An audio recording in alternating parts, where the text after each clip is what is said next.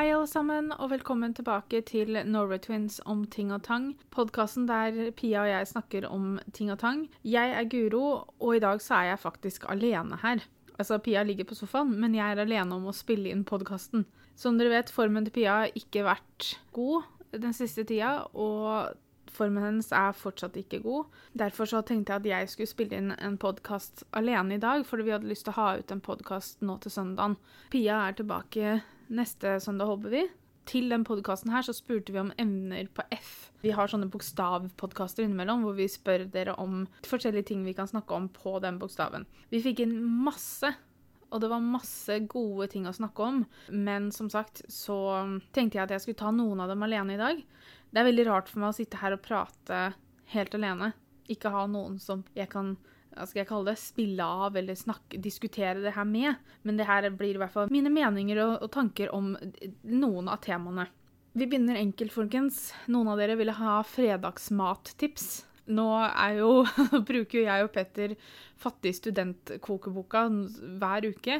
Sånn at det er stort sett den som har bestemt hva vi skal spise på fredager. Nå som det, det begynner liksom å bli varmere ute, da, for å kalle det det. Man ser kanskje våren sånn helt, helt der borte. Men altså, alt det kan smake godt på en fredag. Men hvis du har lyst på noe ekstra godt, så ville jeg lagd lasagne. Jeg ville lagd kanskje en gryterett. En god suppe. Er, jeg og Peter er veldig glad i sånn butternut squash-suppe. Hva er det heter på norsk? Flaskehalsgresskar eller noe sånt, tror jeg det heter. Jeg tror jeg mener at det er det som står på bestillingslista på jobben i hvert fall. Taco, pitabrød, pizza. Dette er da forslag fra Pia. Tacofredag er jo en ting, er det ikke det? Taco er godt hele uka, men kanskje best på fredag eller lørdag. Falske venner. Når vi får sånne forslag, så, så det jeg tenker innerst med meg selv da, er uffa meg, her er det en person som har opplevd et eller annet. For det er liksom gjerne kanskje det man har lyst til å høre noen andre snakke om, da, er hvis man har erfaring med det selv. Åssen vet man at en venn er falsk? Det er jo kanskje vanskelig å vite sånn sett, men det er jo gjerne hvis du snakker med denne personen, og så får du høre kanskje av fel andre felles venner at de prater om deg på en negativ måte. Altså, det kan være venner som ikke holder det de lover. Altså, et vennskap er, handler om å gi og ta. Og hvis man enten bare gir eller bare tar, så, så, så føler jeg at kanskje vennskapet går ganske én vei. Og det er vanskelig å si hvordan du kan kjenne igjen en falsk venn. Men det jeg syns, da Ekte, gode venner er jo venner som du har det morsomt sammen med, som du kan le sammen med, som du kan gråte sammen med, som du kan snakke med om alt mulig rart. Og det kan være veldig vanskelig å skulle kutte ut noen fra livet sitt, men noen ganger så må man egentlig bare. Kanskje på tide å gå hver sin vei, da. Det bør ikke alltid være negativt heller. Altså, man har venner kanskje på barneskolen, ungdomsskolen, videregående, som man vokser litt fra når man trer ut i voksenlivet, eller hvis man flytter bort for å gå på skole og sånn. Og det, det bør ikke være noe negativt. Det kan bare være at vei, liksom, livet går litt forskjellige veier og sånn, og det, det, er lov. Det er nok vanskelig å skulle holde på alle vennene du har hele tiden. Og igjen, det trenger ikke å være noe negativt. Det trenger ikke å være at man har hatt en krangel, eller at man har blitt uvenner på noen måte, eller at den ene har gjort noe mot den andre. Det kan bare være en naturlig ting som gjør at man går hvert til sitt. Og det vil ikke si at man er en falsk venn. Venner er veldig viktig, og venner er godt å ha. For man kan ha folk som man kan stille opp for hvis de trenger det. Det er folk der som kan stille opp for deg hvis du trenger det. Men det viktigste er jo at et vennskap gir deg noe godt. Hvis ikke et vennskap gir deg noe godt, hvis du kjenner det i magen, da. Hvis du skal være sammen med denne vennen og være sånn uff, hva er det som kommer til å skje i dag, eller kommer det til å bli krangling, diskutering, hvis det er veldig mye negativ energi, da Jeg er jo en sånn person jeg er veldig Jeg føler sjøl at jeg har en veldig positiv energi. Jeg ser det beste med ting. Jeg, prøver, jeg er veldig løsningsorientert. Jeg tenker positivt på ting. Og hvis, hvis jeg f.eks. skulle hatt en venn som var totalt motsatt av meg, så kunne det fortsatt blitt slitsomt både for meg og den, den vennen. Hvis man er en litt mer sånn pessimistisk person, da, så er det sikkert kjempeirriterende å være rundt en optimistisk person hele tiden. Akkurat som hvis du er en optimistisk person, så er det litt slitsomt å være rundt en pessimistisk person hele tiden. Men jeg syns ikke man skal ha folk i livet sitt som ikke gir deg noe positivt. Som ikke gjør livet ditt bedre på noen måte, da.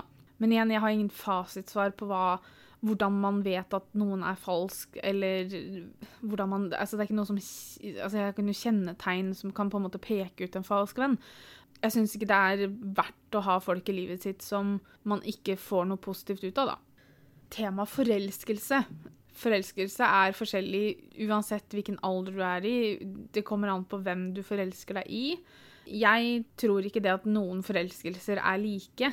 Jeg har vært forelska fire ganger i livet mitt, og det har aldri vært likt. Første gangen jeg var ordentlig forelska, da gikk jeg første året på videregående. Jeg var hodestups forelska. Og vi snakka om bryllupet vårt, så vi skulle være, bli foreldre og tjoho. Han var litt yngre enn meg, så det var ikke akkurat noe vi skulle hoppe ut i med en gang. Men det var en ekte forelskelse der og da, det var det jo selvfølgelig. Andre gangen jeg forelska meg, det var andre året på videregående. Det var en litt mer voksen forelskelse.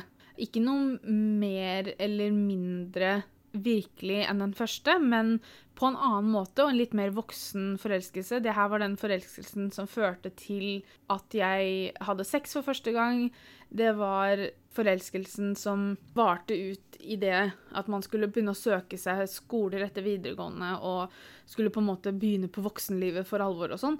Selvfølgelig så tror du at du skal være sammen med den personen for alltid, og som dere vet, så er jeg ikke sammen med den personen lenger, så det, var ikke ment for å være, vare. Det er en person jeg fortsatt snakker med. Vi er ikke venner på den måten at vi på en måte tar en kaffe innimellom, og sånn, men vi snakker sammen rundt bursdager og sånne ting, og ønsker hverandre god jul. Og, og det er en veldig koselig tone mellom oss. Men det også viser jo at man har blitt voksen, på en måte, da. Den forelskelsen var veldig annerledes enn min første forelskelse, men allikevel ikke noe mindre eller mer verdt. Tredje gangen jeg forelska meg, så ble jeg jo faktisk samboer med personen, og var da ganske mye eldre. Alle forelskelser er forskjellige, og ikke pga. alderen heller, men det er fordi at sånn som når jeg forelska meg i Petter, så ble jo den forelskelsen veldig annerledes igjen, fordi at Petter er veldig annerledes. Petter er jo ikke den samme personen jeg hadde vært forelska i før. Man kjenner på det, og jeg tror det at uansett om du er seks år eller om du er 36, så er det en forelskelse. Jeg liker ikke det når voksne sier til barn at ikke de er forelska. De er ikke forelska på samme måte som de voksne er forelska, selvfølgelig ikke, men det betyr ikke at de følelsene ikke er der. Det betyr ikke at man ikke er forelska i en person. Når man vokser opp, og når man lærer seg selv å kjenne, og når man lærer andre personer å kjenne, og sånn, så, så, skjønner man jo at det er noe helt annet å være forelska som voksen enn som barn. Og når jeg forelska meg i Petter, så måtte jeg liksom tenke Jeg oppdaga så mye mer, og det har ingenting å si det betyr ikke at jeg ikke var glad i de som jeg har vært forelska i før, men det bare Det ble så annerledes. Og spesielt da når vi liksom forlova oss etter seks måneder, og jeg skjønte at ok, det her er en person som jeg har lyst til å satse på, og som jeg har lyst til å være sammen med resten av livet, så kommer det jo så mye annet innunder der. Altså det var Plutselig skulle vi planlegge et bryllup. Det ble jo veldig voksent, da, som vi ikke pleier å kalle det. Vi, opp til bryllup og sånn, så sånn, og vi er så voksne, vi skal gifte oss. Alle forelskelser er viktig, og alle forelskelser er ekte. Og, og nyt det. Det er ikke alltid det går over, men noen ganger går det over, og så finner man en annen å være forelska i. Men det er en fantastisk følelse å ha, det å være forelska i noen. Det er ikke lett, og jeg skjønner at mange kanskje da heller velger å slå den litt av. Sette opp en vegg som ikke det er lett å komme gjennom for at man beskytter seg sjøl. Men det er jo en så fantastisk følelse at uh, så lenge man kan, så syns jeg man skal nyte det å, være så glad i en person. Og kanskje du til og med er så heldig at den personen føler akkurat det samme som om deg. Da må man i hvert fall nyte det. Når vi først snakker om forelskelse, så var det en del temaer som med Som er i samme gata, da. Blant annet felles økonomi eller separat økonomi. Det gjelder jo kanskje mest par, da. Når jeg og Pia bodde sammen, så hadde vi felles økonomi, vil jeg jo si. Det var jo litt annerledes fordi vi er, vi er søsken og, og, bodde sammen, men når jeg flytta sammen med Petter hva skal jeg si? Altså, det her det kommer helt an på hva som er best for deg og din partner. Jeg har ikke fasitsvar på hva man skal gjøre jeg personlig er ikke for felles økonomi. Men det er mest fordi at jeg vet at jeg tjener mindre enn Petter. Si at vi hadde satt alle pengene vi hadde inn på én konto, da, og så hadde vi hatt to kort på den kontoen. Så hadde jeg blitt veldig sånn Oi, bruker jeg Petter sine penger nå, eller bruker jeg mine?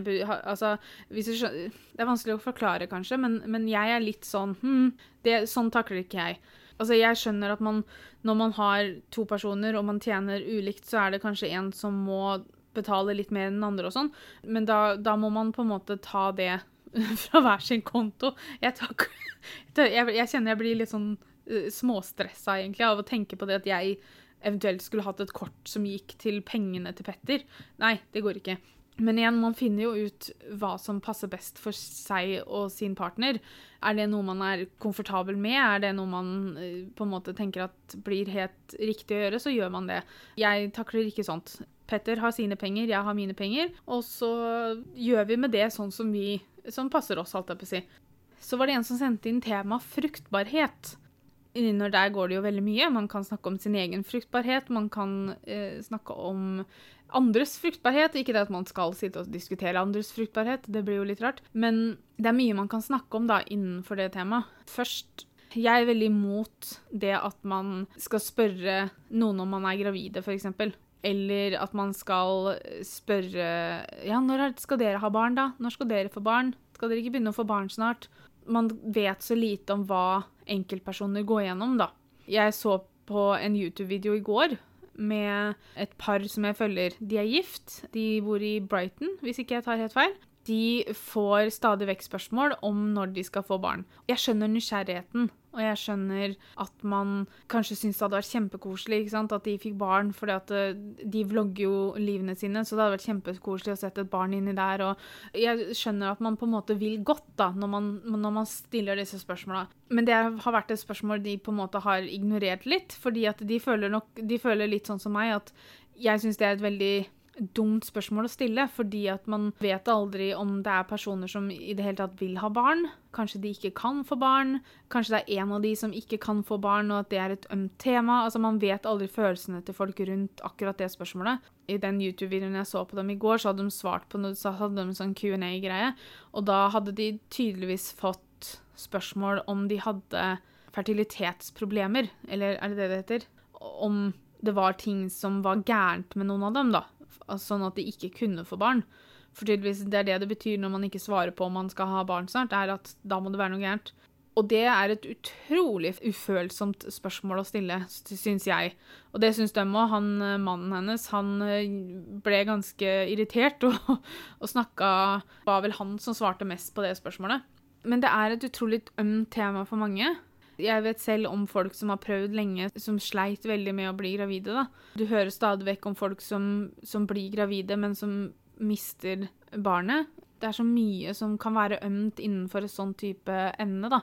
Jeg syns det er så dumt at folk skal gå rundt og spørre andre om det, og særlig da folk på sånn som dem, da, som, der er det fremmede folk som spør dem, liksom. Én ting er hvis bestemora di liksom driver og maser fordi hun har lyst til å bli oldemor, eller foreldrene har lyst til å bli besteforeldre og sånn, det, det, er på en måte én ting, men, men, det at fremmede folk skal drive og mase på andre de ikke kjenner, om når de skal starte familie, det er jo ingen som har noe med det. Jeg vet jo med meg sjøl av jeg har PCOS, så vet jeg jo at det er en mulighet for at det kan bli vanskelig for meg å bli gravid. Jeg vet også at jeg og Petter har veldig lyst på familie. Og det var jo blant annet et annet uh, tema vi fikk, da, var om vi ville bli foreldre selv en dag. Vi ønsker oss barn, og vi gleder oss til eventuelt den dagen kommer. Men jeg vet jo også at med min PCOS, og jeg vet jo av erfaring tidligere Ikke at jeg noen gang har prøvd å bli gravid, men jeg vet jo at det, i den perioden jeg ikke gikk på p-piller, så kom jo ikke mensen hver, hver måned pga. PCOS-en. Jeg har lest meg opp på det nå den siste tida for å sjekke liksom sånn, ok, hva er mulighetene. For jeg har jo hatt samtaler med legen min for en del år tilbake om dette med PCOS og det å få barn. Jeg vet at noen som har PCOS, kan få beskjeden om at nei, du kan ikke få barn. Den beskjeden har ikke jeg fått. Jeg fikk beskjed om at det kan bli vanskelig. Jeg fikk beskjed om at det kan være at jeg må ha hormonsprøyter. Hun sa det at det, det kan hende at man må ha mer hjelp enn det også, og da blir det jo mer sånn IVF og sånne ting. Det er jo en skummel tanke, selvfølgelig, å sitte her og tenke på at ikke, ikke, nødvendigvis det at man må ha hjelp, men det er jo en skummel tanke å tenke på at det kan være noe inni kroppen min som gjør at den muligheten ikke vil komme for meg og Petter. da. Jeg er jo en positiv person. Hvis det skulle nå være, da, bank i bordet, at jeg og Petter ikke kan få barn, så, så er det ingenting som sier det at jeg og Petter ikke kommer til å ha et fint liv sammen. Det vet jeg inni meg, at vi vil få et like bra liv uten barn som med barn. Men selvfølgelig, så, så hvis man ønsker seg som familie, så, så vil jo eventuelt bare det ta litt tid før man klarer å komme til det punktet, da. At man klarer å helt se det for seg at liksom Vi kan få det like bra uten barn som med barn. Jeg følger en YouTuber som heter Sierra, tror jeg hun heter. Og hun har PCOS, og hun har nå begynt å dokumentere sin For nå hun er gift, og hun og mannen har lyst på barn, så hun driver og dokumenterer i vloggene sine liksom denne reisen med det å bli gravid med PCOS. Jeg kjenner liksom at det å sitte og se på videoene hennes er jo Hun tar meg jo med på en reise som litt gjelder meg òg, en gang i fremtiden. At, og det kan være veldig godt da, å se på det. Men samtidig så tenker jeg også det at For det er så mange der ute. Jeg vet, at, jeg vet jo med meg selv, da altså Nå er ikke det her bare opp til meg, det er jo opp til Petter òg. At, at, jeg kunne gjerne ha dokumentert en sånn reise, jeg også. Men så er det jo det, ikke sant. Altså man har en partner som skal være enig. Man, skal, man, skal, man, dele det, skal man ikke dele det? Altså jeg kan alltids dele min erfaring, men Petter blir jo på en måte da bare dratt med, fordi at man vet jo at hvis jeg prøver for barn, så er det jo med Petter. Men så vet jeg at det kunne sikkert hjelpa mange sånn som hennes videoer hjelper meg, da, at jeg blir jo litt optimistisk når jeg ser at det er andre som prøver, og som på en måte ikke får beskjed om at det er umulig. Men samtidig så tenker jeg også det at hvis det nå ikke skulle gå for henne, hvis en prøver i mange mange år, og det ikke går, og, og sånn, så, så, kan jo det være kanskje noe som gjør meg nervøs. Altså, jeg, Nå vet jeg ikke om jeg gir noe mening. Jeg håper dere skjønner hva jeg mener. At Å dokumentere en sånn reise er kanskje, det kan sikkert være terapi for henne òg å ha noen å prate med, på en måte. Altså, hun kan selvfølgelig prate med folk i livet sitt, men vit hva jeg mener at når jeg prater med dere, eller sier noe i vloggen og sånn, så kommer det kanskje erfaringer fra andre steder, da. Og det er jo det hun også sikkert får, at ved å dele den reisen her, så får hun også tilbakemelding fra folk som ser på videoene hennes, som kanskje har blitt gravide med PCOS, eller som også prøver, og som har tips som de har fått av sin lege, som kanskje ikke hun har fått av sin. og sånn. Altså, Man deler erfaringene.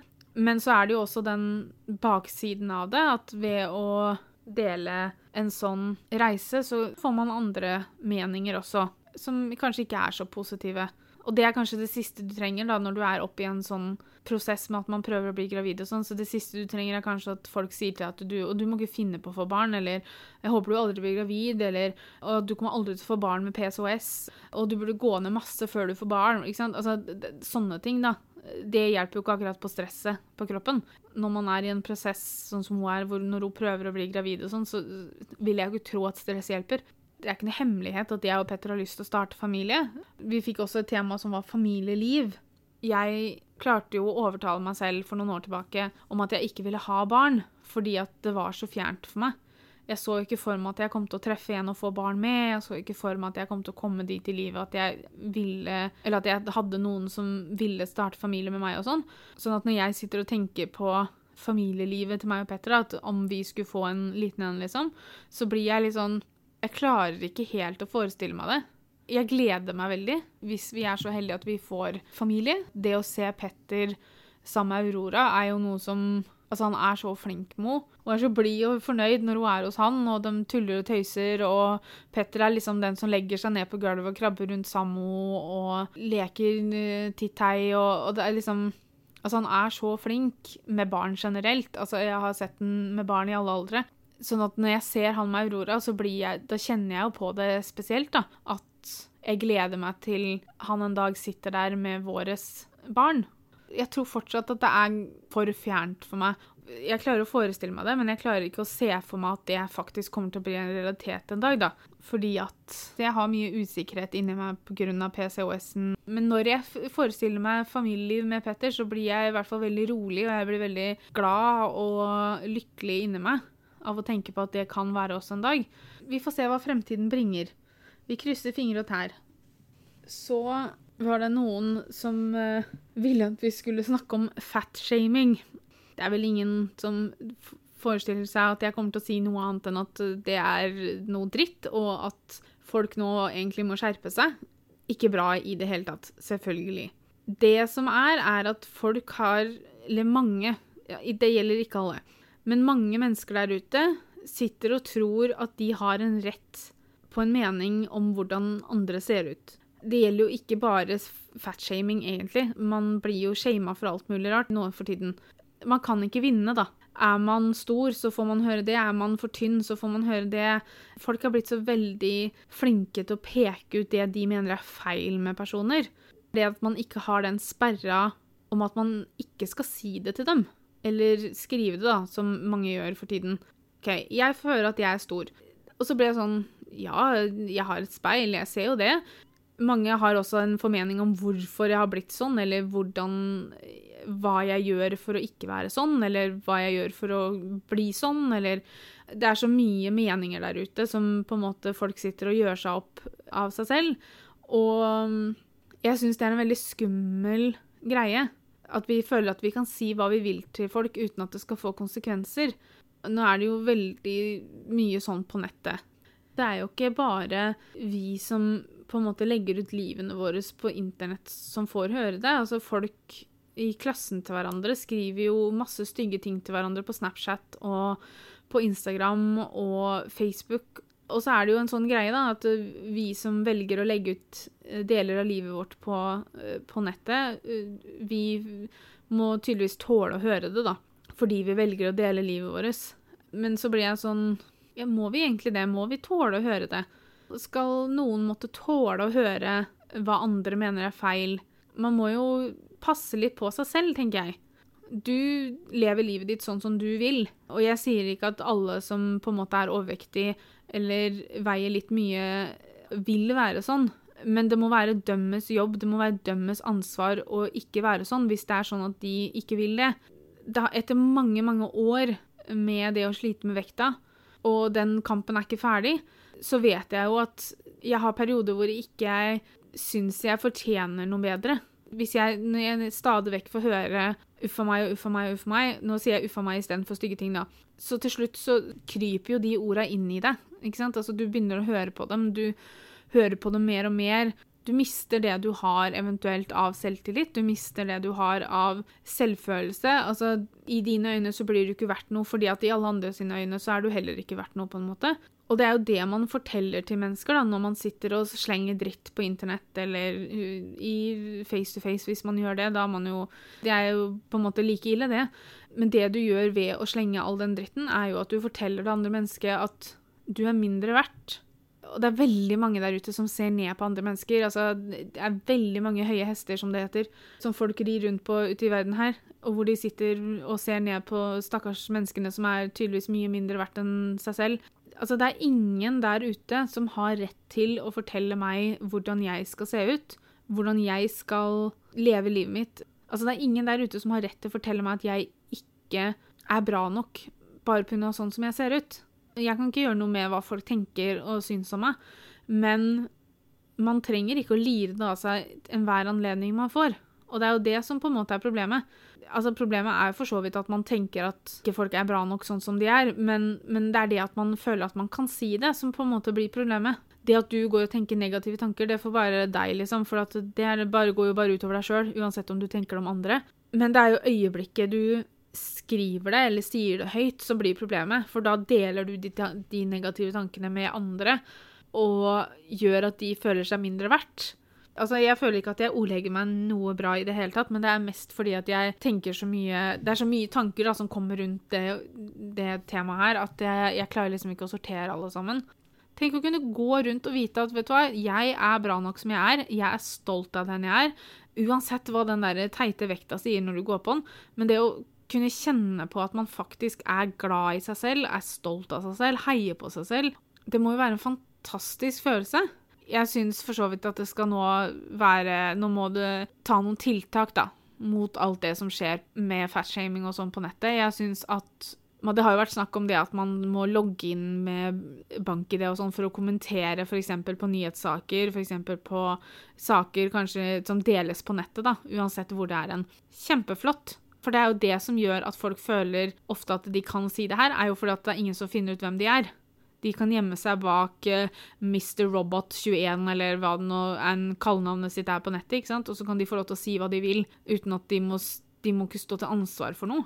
Så jeg syns det at hvis man nå må logge inn med bank-ID for å virkelig vise hvem du er, så kan du faktisk måtte ta konsekvensene da, av det, det du sier. For man kan si hva man vil, men hver gang man kommenterer og du er feit og du må gå ned i vekt bla, bla, bla. Altså, det er ikke for å hjelpe. Det er ikke fordi du syns synd på det. er ikke for uff, du er så bekymra.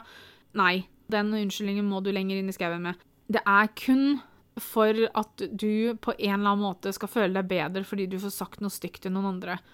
Jeg tror også det at alle de som sitter rundt omkring og tar, slår på tastaturet og skriver stygge kommentarer til andre, det er et eller annet Altså, de har det ikke bra med seg selv, uansett hva de sier. Du kan si at du har det så bra du bare vil, men hvis du føler for at du kan skrive masse stygt til en annen person, så er det et eller annet innerst inne som ikke stemmer. Hadde du hatt det helt, helt bra med deg selv, så hadde du ikke følt for å måtte trykke andre ned og for å slenge dritt og skrive dritt. Det tror jeg. Og jeg tror kanskje ikke jeg har fått fram poenget sånn som jeg ville, men jeg håper at jeg har fått fram noe fornuftig, i hvert fall. Det siste jeg skal snakke om, er det å finne seg selv. Her har jeg heller ingen fasitsvar, fordi at jeg vet ikke om jeg har funnet meg selv. Jeg har funnet litt av meg selv. La oss si at seg selv er et puslespill. Har jeg funnet alle brikkene? Nei. Føler jeg at det nesten er ferdig? Ja, jeg er godt over halvveis. Men å finne seg selv, altså det, det kan ta mange, mange år. Noen finner seg kanskje ikke selv i det hele tatt. Jeg tror det man finner seg selv når man er fornøyd, og når man er lykkelig, og når man er glad. Og man kan være lykkelig og glad og fornøyd uten å ha funnet seg selv. Det kommer jo med alderen. Den dagen du fant ut at du hadde lyst til å bli sykepleier, f.eks., da finner du en del av deg selv. Da finner du den delen som viser deg hva du har lyst til å gjøre med livet. Du finner deg selv når du treffer personen du er ment å være sammen med. For da finner du den personen som du kan være glad i, og det, det gjør jo også noe med deg selv. Så enhver beslutning vi tar i livet, og hver ting vi bestemmer oss for og sånn, er jo en del av puslespillet. Men det handler jo også om å finne deg selv i det at å, være fornøyd med seg selv, og vite at du er 100% deg selv hele tiden, at du får lov til å være deg selv hele tiden. At du er bra nok. Nå kommer vi tilbake til der. Det å finne seg selv er jo å kunne leve livet 100% som seg selv. Og det er veldig vanskelig innimellom. Noen ganger så må man bare ta på seg en sånn rollekarakter som på en måte gjør at Om det bare er det at du er egentlig en veldig sånn sjenert person, og innimellom må ta på deg en rolle som en ikke-sjenert person for å liksom snakke med f.eks. folk på jobben din, eller folk på en fest At du tar på deg en sånn liten sånn maske som sier at OK, jeg er så utadvendt og herlig, kom og snakk med meg. Ikke sant? Og så er man egentlig ikke det i det hele tatt. Og du finner deg selv da når du finner ut at du må sette på deg den maska. Men selv om man kanskje det tar tid å finne seg selv, så kan man aldri slutte å lete, da. Fordi det puslespillet blir ferdig til slutt. Men du må på en måte finne ut hva alle de bitene betyr. Du må finne ut hva alle de bitene gjør for deg, hva, hva det kan gjøre for deg som person. Nei, altså hvis jeg noen gang finner hele meg, hvis puslespillet mitt blir ferdig, så skal jeg si ifra. Det er noe jeg må jobbe med lenge til, tror jeg. For det er mye oppi huet mitt her som skal løses, og uh, man skal komme over ting, og man skal jobbe med seg sjøl ganske lenge da, før puslespillet mitt er ferdig. Igjen, var det den beste forklaringen? Hvem vet. Men da har jeg snakka om de temaene som jeg har tenkt å snakke om i dag.